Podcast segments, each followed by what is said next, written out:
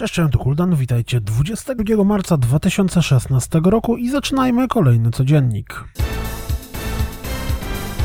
Skyshine z Bedlam dostał wielki update i nowym zwiastunem przypomina o tym, dodając do tytułu dopisek Redux.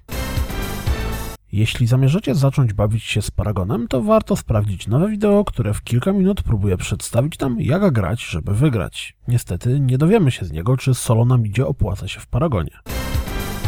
Dirt Rally zaprezentowało zwiastun skupiający się na rozgrywce wieloosobowej. Pojawił się zwiastun Zero Escape Zero Time Dilemma, która 28 czerwca pojawi się na PlayStation Vita i 3DS-ie. Dla fanów 999 i Virtuous Last Reward najprawdopodobniej jest to must have. Na blogu Panic Incorporated wydawcy Firewatch znalazła się całkiem interesująca notka podsumowująca pierwszy miesiąc po wydaniu gry. Możecie dowiedzieć się z niej, że tytuł na PC i PlayStation 4 sprzedał się łącznie ponad pół miliona egzemplarzy, a inwestycja w produkcję zwróciła się już pierwszego dnia.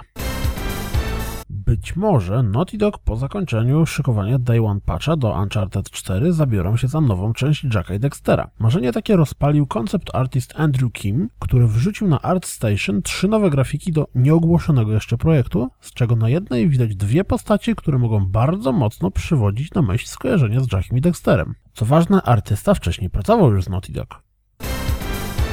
Sieci pojawił się rzekomy przeciek, na którym możemy niby zobaczyć prototyp nowego kontrolera Nintendo. Wygląda całkowicie absurdalnie, zresztą zobaczcie sami, ale dość dziwne jest jednak to, że wygląd ten pokrywa się ze złożonym jakiś czas temu przez Nintendo patencie. Kotaku, powołując się na zaufane źródło, obwieściła światu, że Sony pracuje mocno nad PlayStation 4,5 mocniejszą wersją PS4. Teoretycznie sprzęt miałby nadawać się do wyświetlania materiałów w 4K. Do sieci wyciekł fragment gameplayu z Pokémon Go. Jakość materiału masakryczna, ale gra wygląda dokładnie tak, jak sobie to wyobrażałem. Po przybliżonej dacie premiery wiemy teraz dokładnie, że Unepic w wersji na PlayStation 4 i PlayStation Vita pojawi się 30 marca. W trakcie trwania festiwalu South by Southwest odbył się panel z Games skupiający się na nadchodzącej grze o Batmanie. Dowiedzieliśmy się, że nie będzie związane z żadną inną grą, komiksem czy filmem, a w wielu sytuacjach staniemy przed wyborem, czy rozwiązać problem jako Bruce Wayne, czy jako Batman. Gra ma pojawić się latem, a cała historia zostanie podzielona na pięć epizodów. Nowa gra Cliffa Bleszyńskiego, Lowbreakers, która miała być do tej pory free-to-playem, online MMO shooter, już nie będzie taka free. Gra zostanie wydana na Steamie, na razie nie wiadomo za ile, ale na bank nie będzie to standardowe 60 dolców, jak w przypadku pudełkowych tytułów.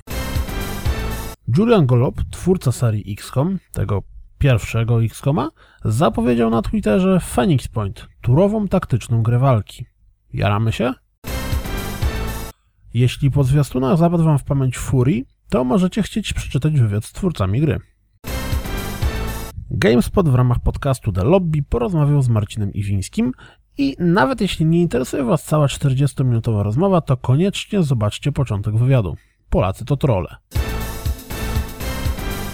To wszystko na dziś, jak zawsze dziękuję za słuchanie, jak zawsze zapraszam na www.rozgrywkapodcast.pl. Jeśli doceniacie moją pracę, wesprzyjcie mnie na Patronite i mam nadzieję słyszymy się jutro. Cześć!